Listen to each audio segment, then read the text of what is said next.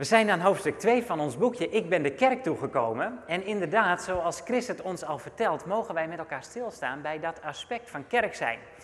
En uh, ik heb gedacht van, hey, past het bij een doopdienst om nu het topic eenheid ook aan te wenden? Om verder te kijken naar dat wat de Heer ons als gemeente wil aanreiken, ook vanuit dat boek dat we met elkaar lezen en bestuderen. En ik geloof dat het uh, ons de juiste basis mag bieden, waarop wij straks met elkaar weer het water in mogen stappen. Inderdaad, heel wat van u en ons zijn in dat water gegaan. En uh, als de stopper uitgetrokken wordt, wat wordt er dan weggespoeld? Wie kent zijn eigen leven? Het zit niet in het water. Dat kan ik jullie alvast vertellen. Chris komt met zijn mooie glaasje om te kijken, is dat water wel zuiver? Maar daar zit het niet in. Het zit ook niet in het water van de Jordaan. Als je dacht dat dat de plek is waar het het beste water is om gedoopt te worden. Eigenlijk is de Jordaan helemaal vandaag de dag een, een, een moddersloot geworden. Het is helemaal niet zo zuiver water. En daar gingen de mensen dan naartoe om gezuiverd te worden. Weet u, de zuivering die plaats heeft in een mensenleven, dat wat ons met elkaar één maakt als kinderen van de Heer, het zit niet in dat wat voor ogen is. Het zit niet in het water. Het zit ook niet in de sacramenten. Maar dat wat jullie laten zien met elkaar straks als je ondergaat in dit water, dat is dat je gehoorzaam bent aan de Heer Jezus. En als jij dat hebt ondergaan, elke keer als ik mag dopen, maar ook elke keer als ik bij een doopdienst ben, dan sta ik daar zelf ook weer en dan weet ik, Jacob, het zat niet in jou, maar het zat in de Heer Jezus, die zijn leven voor jou gaf. Het lag hem aan de Heer Jezus, die wel wist hoe het in jouw leven zat, maar die zei, laat mij jouw hart reinigen. Laat mij jouw leven zuiver laten worden. Laat mij het ook zijn die, er ervoor kan zorgen dat jij één wordt.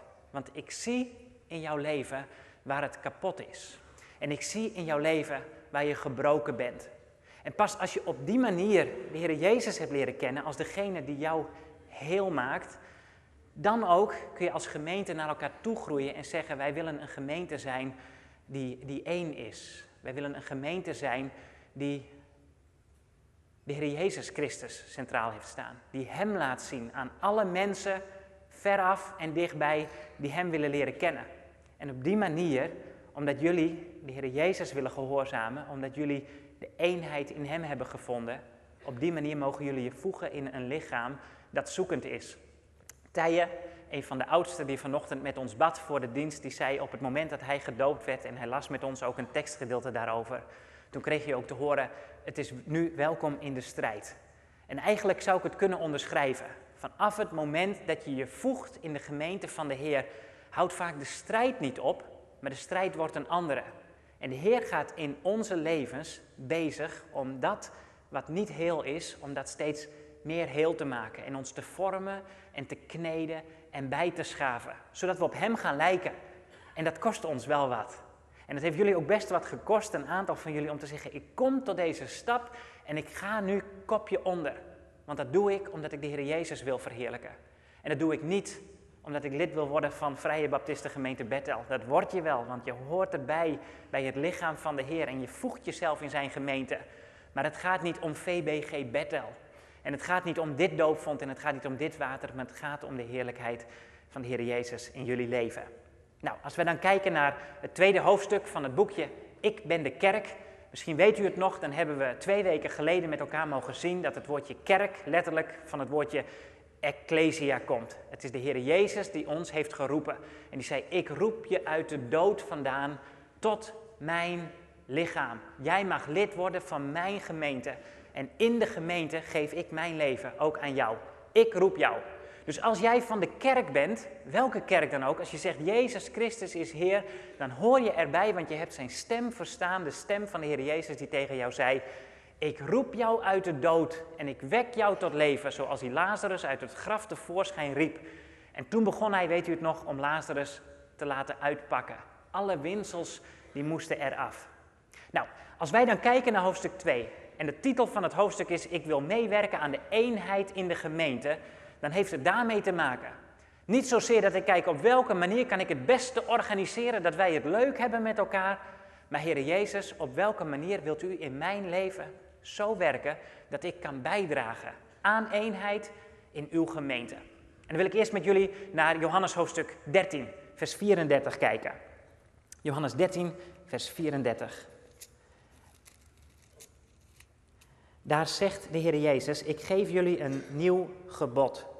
Heb elkaar lief. Zoals ik jullie heb lief gehad. Zo moeten jullie elkaar lief hebben. Aan jullie liefde voor elkaar zal iedereen zien dat jullie mijn leerlingen zijn. De Heer Jezus die heeft met zijn discipelen een maaltijd. Het is de laatste maaltijd van de Heer. Het wordt ook wel het laatste avondmaal genoemd. En de Heer Jezus die wil zichzelf kenbaar maken aan zijn discipelen. En hij wil uiteindelijk dat door die twaalf discipelen, uiteindelijk zullen het er twaalf zijn, dat bekend wordt aan de hele wereld wie hij zelf is. En om dat te onderstrepen heeft hij net hun de voeten gewassen. Dat was het klusje voor de allerminste. En Jezus zei, ik wil die allerminste wel zijn. Laat mij, als jullie aan tafel willen gaan, eerst jullie de voeten wassen. En als hij dat dan heeft gedaan, dan gaat hij zitten met zijn discipelen. En dan zegt hij niet, ik heb, ik heb wel een verzoek. Ik wil jullie iets vragen. Nee, Jezus zegt het heel helder in vers 34. Ik heb een, een nieuw gebod heb ik voor jullie. Het is een opdracht. Het is een taak. Ik eis het van jullie, mijn discipelen.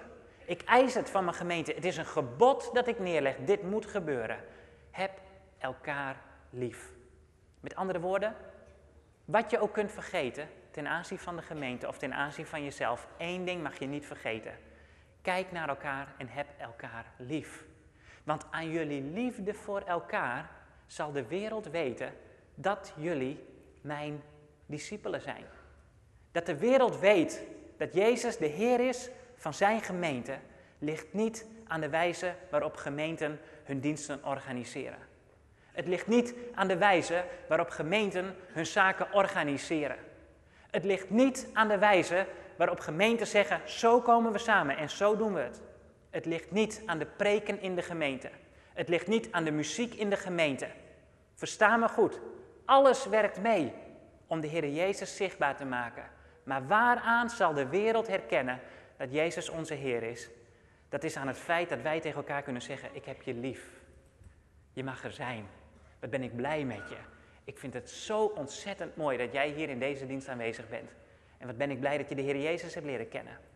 Als de Heer Jezus dat gebod neerlegt in zijn gemeente, dan zegt hij: Dit is de basis waarop ik haar zal bouwen. Aan de liefde voor elkaar. Aan jullie eenheid zal de wereld weten dat ik de Heer ben. En dan, als hij in hoofdstuk 17 in gebed gaat, dat is het laatste, het hoge priesterlijk gebed, voordat hij naar Gethsemane gaat en zijn vader vraagt: Heer, laat deze beker aan mij voorbij gaan, maar laat uw wil ook geschieden in mijn leven. Dan gaat hij voor ons, voor zijn discipelen, op de knieën. En dan staat er in hoofdstuk 17, vers 20. Mag ik de tekst zien? Ik bid niet alleen voor hen, maar voor allen die door hun verkondiging in mij geloven. Laat hen allen één zijn, Vader, zoals u in mij bent en ik in u. Laat hen zo ook in ons zijn, opdat de wereld gelooft dat u mij hebt gezonden. Daar zie je dat de Heer Jezus op zijn knieën gaat. Weet u, de Heer geeft niet een gebod aan ons om ons vervolgens aan onszelf over te laten. Maar als de Heer Jezus jou en mij uitdaagt om de ander lief te hebben, ook die ander waarmee jij het misschien wat moeilijker hebt, ook jezelf, als je jezelf moeilijk kunt liefhebben, de Heer zegt, ik wil dat je jezelf lief hebt, want ik heb jou zo lief gehad, dat ik mijn leven voor je heb gegeven en je vindt dat moeilijk, dan zegt de Heer niet, nou, als je aan mijn gebod niet voldoet, dan red je je maar. Nee, dan zegt de Heer, weet je, als jij het niet kunt, ik lig dagelijks op mijn knieën. De Heer Jezus, we hebben een heiland uh, die leeft om te bidden, schreef Johan de Heer. Ik heb een heiland die leeft om te bidden. O vrienden, die heiland die bidt ook voor u. De Jezus is voor ons in gebed. En het gebed van de Heer Jezus is opnieuw niet dat alles goed geregeld zal zijn. Ja, alles mag goed geregeld worden en alles kan goed geregeld worden. Maar de Heer, die bidt voortdurend dat in zijn gemeente, in onze levens, er geen tweespalt zal ontstaan. En dat wij als broers en zussen met elkaar optrekken, zodat, zegt Jezus, zij één zijn zoals u, ik, Vader, Zoon en Heilige Geest één zijn. Opnieuw, opdat de wereld zal geloven dat u Heer bent. Zo smeet de Heer Jezus zijn gemeente aan elkaar. En wat is het goed om te weten dat de Heer Jezus voor jullie bidt. In de strijd die het leven kan bieden. En wat is het goed om elkaar dat steeds voor te houden. Het gaat de Heer Jezus erom dat wij één zijn En om dat te bewerkstelligen ligt hij zelf bij zijn vader op de knieën om ons aan hem op te dragen. En te zeggen, Heer, u ziet waar de strijd is. U ziet waar ze het moeilijk hebben met elkaar. Maar Vader in de hemel, ik bid dat zij één zullen zijn. Nou, dan kun je kijken naar, naar eenheid met elkaar en denken, nou ja, goed, we komen samen en uh, we zijn mensen van allerlei pluimage, we komen uit alle lagen van de samenleving, we moeten er maar wat van maken met elkaar. maar voordat je daarna kijkt, van hey, hoe kunnen wij nou één zijn met elkaar als één groot collectief van zoveel verschillende mensen, zegt de Heer, maar ik wil eerst iets in jouw hart bewerkstelligen. Ik wil namelijk dat jij één bent, want ik ben één. Mag ik met jullie naar Deuteronomium 6 kijken? Deze tekst las ik twee weken geleden bij het opdragen van de kinderen. Daar staat, luister Israël, de Heere, onze God, de Heere is één. God heeft zichzelf bekendgemaakt met zijn, met zijn naam aan, aan Mozes. En daar staat dan hier Heere. U ziet dat met vijf hoofdletters staan. Het staat hier heel bewust met hoofdletters, want waar het met hoofdletters staat in het Oude Testament, de naam van de Heer, daar staat in het Hebreeuws de naam JHWH, Yahweh zoals u misschien van zijn naam hebt gehoord. Het betekent niks anders dan ik ben. Ik ben. Letterlijk, ik kan niet anders. Ik ben uit één stuk. Ik ben een, een, een God, mag ik het zo zeggen, met heel veel eerbied van karakter. Ik ben ondeelbaar. In mij zul je geen tegenstrijdigheid vinden. Ik zeg niet het ene dag dit en de andere dag dat. En ik maak af waar ik aan ben begonnen. Mozes Jouw leven wordt heen en weer geslingerd door je verlangen naar thuis en je verlangen naar je volk en je verlangen naar mijn daden. En je kijken naar je eigen zwakte. Maar Mozes, als je ergens terecht kunt, dan is het bij mij. Ik ben wie ik ben. Onveranderlijk. Van mij kun je op aan. En ik ben één, staat er dan. God is één. God is wie hij is. Hij is één. Mensen verwarren dat wel eens als ze zeggen, dus hij kan geen zoon hebben. Want als de zoon in het stuk dat we net lazen, de Heer Jezus, voor ons op de knieën ligt, dan zegt hij, Vader, ik bid u dat zij één zijn zoals u en ik één zijn. De zoon en de vader, ze zijn volledig op elkaar betrokken. Ze zijn samen één. Zoals de Heer Jezus uiteindelijk zegt, een goede afspiegeling van wie ik ben in dit leven, in deze wereld, zou zijn een huwelijk dat werkt. Waarin man en vrouw één zijn. En wat loopt het vaak spaak? Maar Jezus zegt, het was de bedoeling dat daarin ik zelf weer spiegeld zou worden. De vader en de zoon die één zijn. Ik wil dat jij één bent, zegt Jezus. En dan kijkt hij voordat hij ons in de gemeente plaatst en voordat hij ons lid laat worden van een plaatselijke gemeente zoals wij dat zijn, naar onze eigen levens en die zegt, ik weet waar het in jouw leven mis is gegaan. Ik weet waar jij pijn hebt. Ik weet waar jij verdriet hebt. Ik weet ook waar jij schuld hebt. Ik ken je door en door. Ik denk dat ik eh, een jaar of 19 was. Ik had net eh, twee jaar mijn eerste theologiestudie gevolgd. En toen, toen kwam ik weer terug naar hier. Ik mocht stage gaan lopen. En ik zat daar ongeveer. En ik weet nog dat ik in de dienst zat. En omdat ik een paar jaar theologie had gestudeerd, ik van heel veel dingen wel iets vond. Ik vond wat van de muziek. Ik vond wat van de wijze waarop de diensten waren. Ik vond wat van het gebouw. Ik vond overal wat van. Ik meende overal wat van te moeten vinden. En ik zat hier en ik wist niet wat er met me gebeurde, want ik kende mezelf daarin bijna niet meer. En toen zongen wij een lied, spoedig zullen wij hem zien en voor altijd op hem lijken. En dat ging er door me heen. En de Heer zei op dat moment, Jacob jongen, wie ben jij? Wie ben jij om iets van mijn gemeente te vinden? Ik ben het die haar bouwt. Wat wou je zeggen met je 19 jaar? En daar zat ik. En ik keek om me heen en het was alsof de Heer zei, kijk eens even om je heen. En ik zag u, zoveel, allemaal lieve broers en zussen zitten te zingen. Spoedig zullen wij hem zien en voor altijd op hem lijken. En toen, toen brak ik en de Heer maakte me vrij van mezelf. Ik heb een potje zitten huilen. En toen merkte ik, de Heer maakt mij één, want hij maakt mij los van mijn eigen oordelen. En van mijn eigen neiging om te kijken naar hoe wij het zouden moeten doen in mijn ogen. En de Heer zei, Jacob, ik heb mijn handen nog vol aan jou. Nou, ik durf u te zeggen, de Heer heeft nog steeds zijn handen vol aan Jacob Volkerts.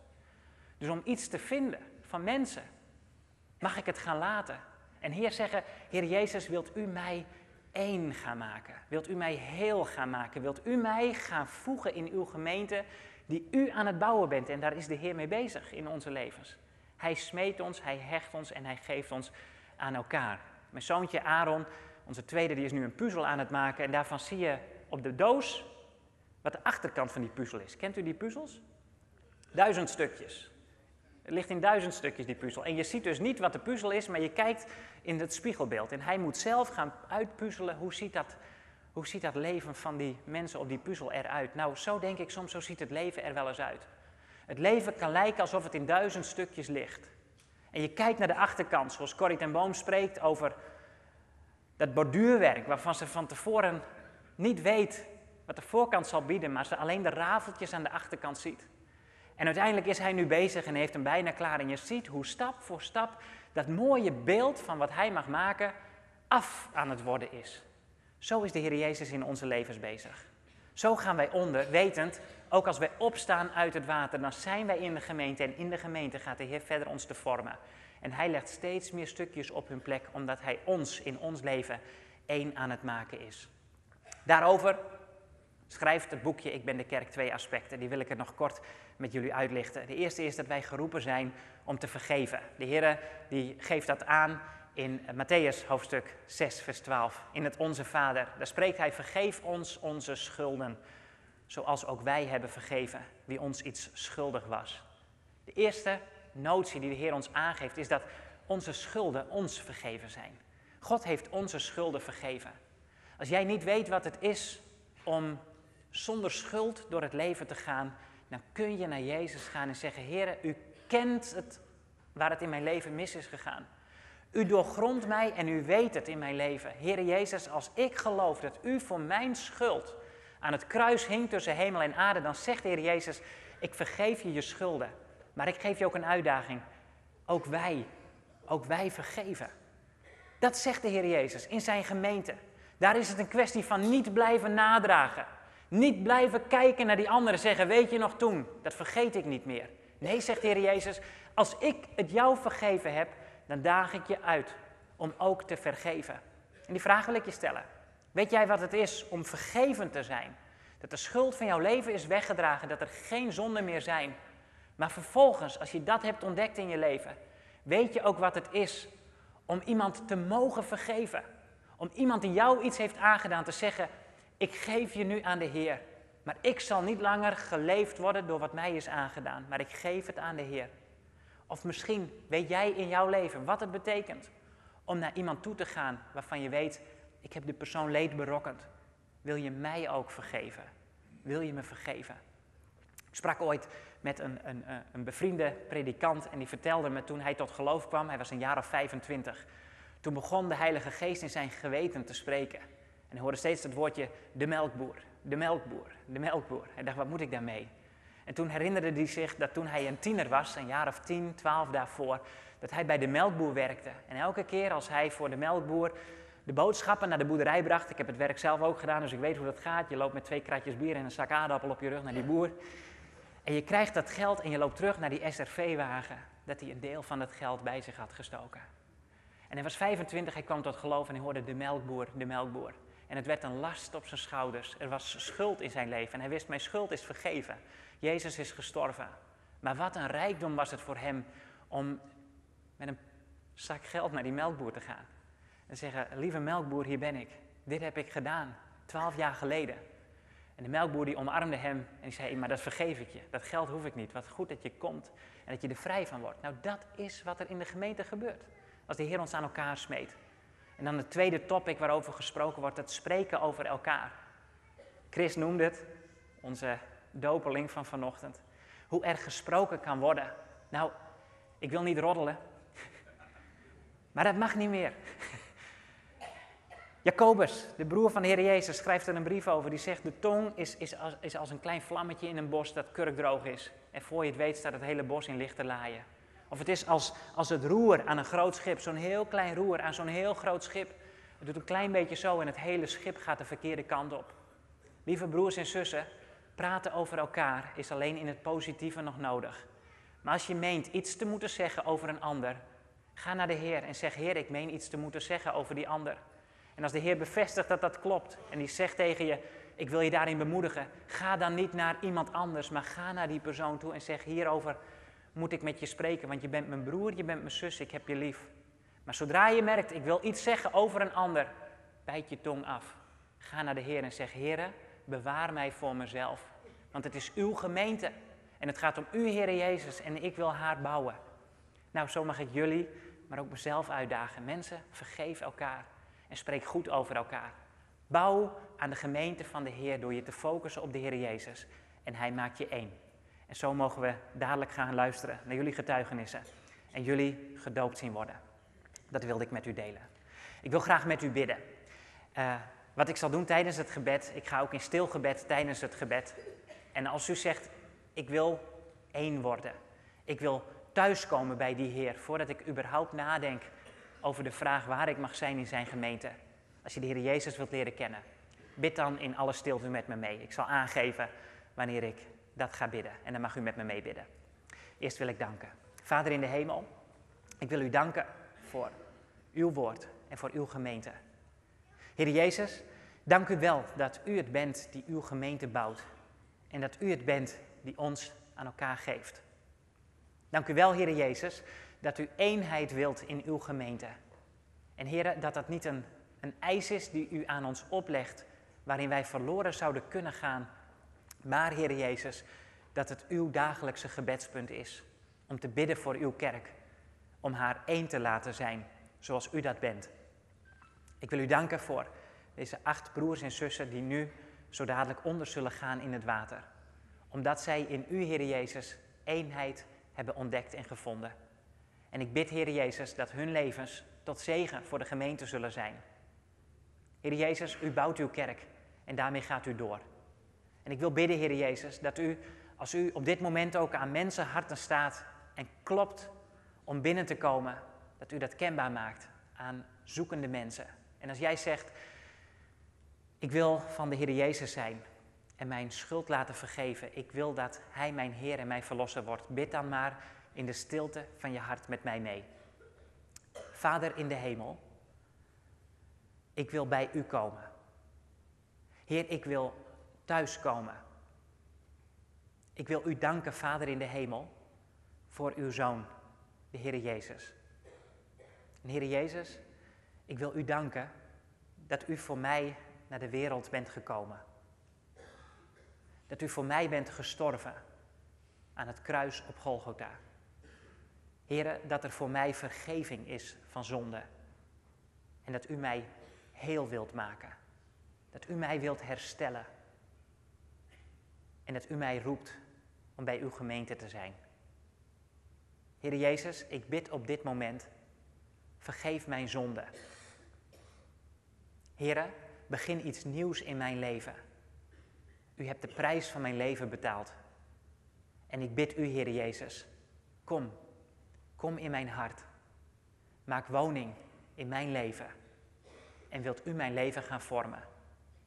In vergeving, in heiliging, in heelmaking. Heer, ik geef mijn leven aan u. Komt u tot uw doel in mijn leven en leid mij vanaf nu door uw geest en als dit jouw gebed is geweest, dan zeg ik, word dan ook vervuld van de Heilige Geest. In Jezus' naam.